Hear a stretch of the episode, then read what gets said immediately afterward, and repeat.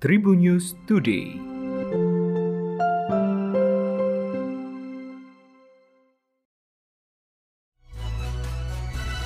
Halo Tribuners, berjumpa kembali bersama Memes di Tribun News Today. Memes akan berbagi informasi menarik untuk kamu dimulai dari berita nasional. Direktur Jenderal Pemasyarakatan Renat Silitonga menyampaikan penularan COVID-19 di dalam penjara dinilai sangat cepat. Total ada 9.000 narapidana yang sempat terkonfirmasi positif COVID-19. Namun, kata dia, tujuh orang di antaranya telah dinyatakan sembuh. Dengan kata lain, masih terdapat 2.000 narapidana di seluruh Indonesia yang tengah mendapatkan perawatan. Menurutnya, penularan COVID-19 yang sangat cepat di dalam lapas tidak terlepas dengan kondisi lapas yang over kapasitas. Kondisi tahanan yang berhimpitan membuat penularan semakin tidak terkendali. Ia menyampaikan penularan COVID-19 di dalam lapas sangat sulit untuk dibendung. Meskipun pihak lapas telah memperlakukan pelarangan dan pembatasan besuk pihak keluarga selama pandemi COVID-19. Selain itu, kata Renat, narapidana yang masih menjalani sidang juga dikedepankan dengan mengikuti sidang daring untuk mencegah penularan COVID-19. Dijelaskan Renard, penularan COVID-19 dari sipir kepada narapidana inilah menjadi salah satu sumber penularan di dalam lapas. Selain itu juga karena treatment di dalam lembaga permasyarakatan dengan memisahkan mereka dalam blok tertentu. Organisasi Kesehatan Dunia atau WHO meminta orang-orang yang tengah berjuang melawan efek long COVID untuk mencari bantuan medis meskipun telah pulih dari fase akut virus corona. Lembaga tersebut mengatakan pada hari Rabu kemarin bahwa pihaknya sangat prihatin dengan jumlah penderita long COVID yang hingga kini angkanya belum diketahui pasti, meskipun mereka meyakini angkanya sangat banyak. Perlu diketahui, saat ini hampir 200 juta orang di dunia diketahui mengalami COVID-19.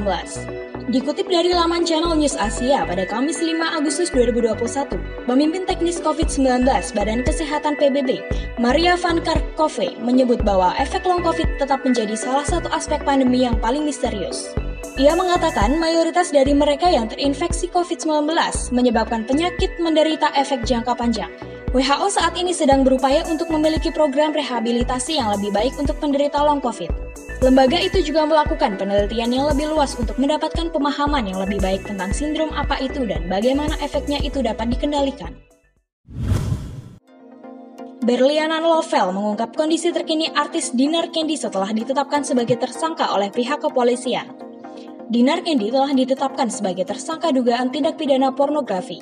Sebelumnya, Dinar sempat menjalani pemeriksaan di Polres Jakarta Selatan. Setelah viralnya aksi berbikini di pinggir jalan, Dinar dijerat pasal 36 Undang-Undang Nomor 44 Tahun 2008 tentang pornografi dengan ancaman penjara 10 tahun atau denda 5 miliar rupiah. Meski telah ditetapkan sebagai tersangka, namun pihak kepolisian tidak melakukan penahanan. Mengetahui Dinar berada di kantor polisi, sang sahabat Berliana Lovel ikut menemani. Berliana Lovel turut mengungkapkan kondisi terkini Dinar Kendi. Menurutnya, Dinar kini sudah dalam keadaan lebih tenang dan bisa diajak ngobrol. Berliana Lovel sempat menyebut awalnya Dinar merasa cemas saat diamankan oleh pihak kepolisian. Namun, kini ia sudah bisa lebih tenang. Kepada awak media, Berliana Lovel mengungkapkan sang sahabat sudah menyesal telah melakukan aksi protes dengan berbikini di pinggir jalan. Pembalap kawakan Valentino Rossi dikabarkan pensiun di akhir musim MotoGP 2021. Pria berusia 41 tahun ini mengumumkan bahwa setelah 26 musim di MotoGP, ia akan pensiun pada akhir musim. Dikabarkan Marco Bezzecchi akan menggantikan posisi Valentino Rossi di tim SRT Yamaha. Berkarir selama 26 musim, Rossi adalah salah satu pembalap paling berprestasi di dunia motorsport. Pembalap Italia itu memenangkan 7 gelar kelas utama dan 9 secara keseluruhan di MotoGP, 250cc dan 125cc. Dari 414 start, Rossi telah meraih 115 kemenangan Grand Prix dengan 89 di antaranya di kelas utama. Sementara total podiumnya mencapai 235 pada TT Belanda 2021. Setelah kehilangan slot pabrikan Yamaha untuk tahun 2021, Rossi memilih untuk melanjutkan karirnya ke musim ini dengan dukungan dari Yamaha di Petronas SRT. Tetapi kampanye sejauh ini merupakan yang terburuk. Pembalap Italia itu hanya mencetak 19 poin dari 9 balapan pertama. Isu pensiun sempat muncul di jeda musim panas ini, meskipun sempat tersiar kabar Valentino Rossi akan membalap VR46 Ducatinya sendiri pada tahun 2022. Setelah muncul sponsor antara tim dan raksasa minyak Saudi Aramco, Pada hari Kamis di GP Starian, di tempat Rossi meraih podium Grand Prix pertamanya di kelas 125cc pada tahun 1996, legenda Italia itu mengumumkan pengunduran dirinya dari MotoGP.